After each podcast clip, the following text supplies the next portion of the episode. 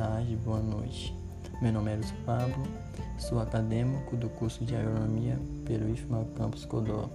Eu vou apresentar meu podcast sobre políticas agrícolas, falando sobre como elas se dividem, sobre especificamente sobre o Pronaf e sobre a importância delas.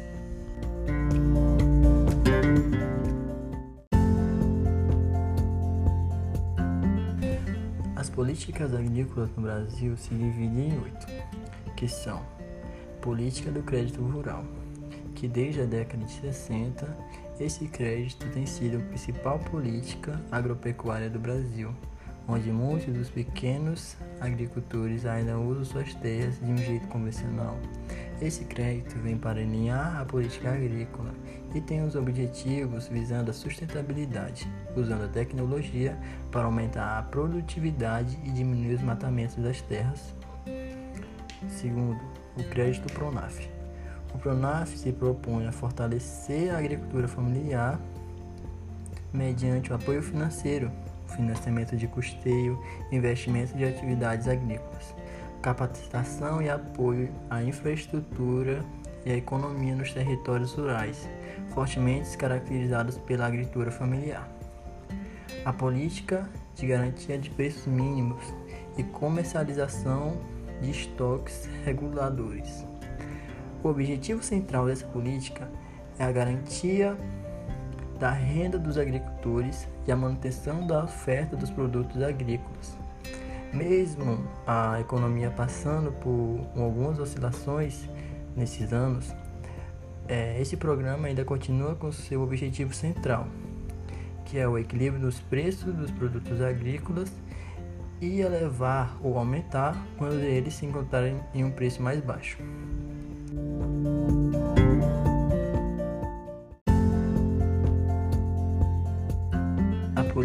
Garantia de preços mínimos é mais visada pelos médios e grandes produtores, pois como eles produzem em grande escala, eles podem sofrer diversos riscos, sejam eles climáticos ou econômicos. E essa política busca prevenir ou amenizar tais riscos.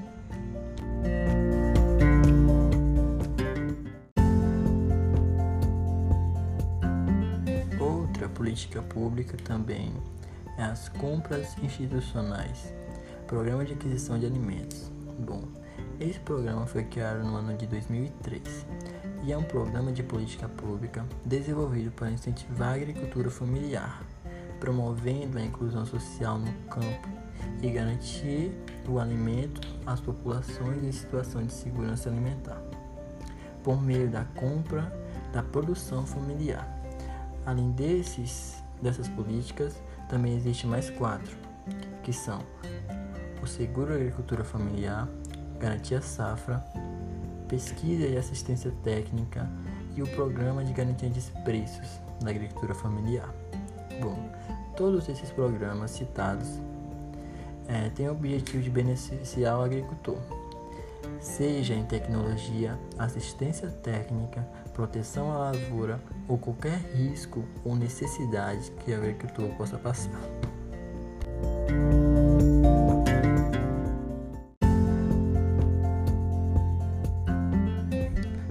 Dentre todas as políticas já citadas, o Pronaf foi o que eu escolhi para ser mais explicado e desenvolvido no meu podcast. O intuito desse programa é fortalecer as atividades desenvolvidas pelo agricultor familiar, integrando a cadeia do agronegócio por meio da modernização do sistema produtivo.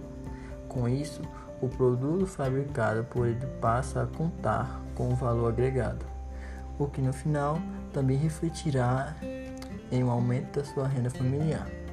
A profissionalização oferecida pela Pronaf ocorre por meio de um financiamento destinado para atividades e serviços, sejam eles agropecuários ou não, desde que sejam desenvolvidos em propriedades rurais ou áreas comunitárias mais próximas, tornando possível o acesso à rentabilidade dos agricultores.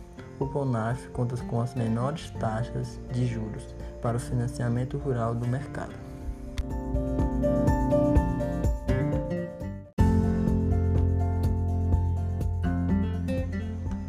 Importância dessas políticas públicas, seja para a agricultura familiar, seja para o grande produtor, seja para o médio produtor, vão ser que elas reduzem as instabilidades provocadas pelo mercado e pelo clima, elas favorecem o investimento nas atividades agrícolas, ela eleva a produção e a produtividade agrícola, ela reduz os custos por unidade por, no mercado, ela reduz os custos dos alimentos até o consumidor final, ela democratiza o acesso às tecnologias para os que têm dificuldade e também ao crédito, ela promove o desenvolvimento dos produtos agrícolas e as técnicas de produção.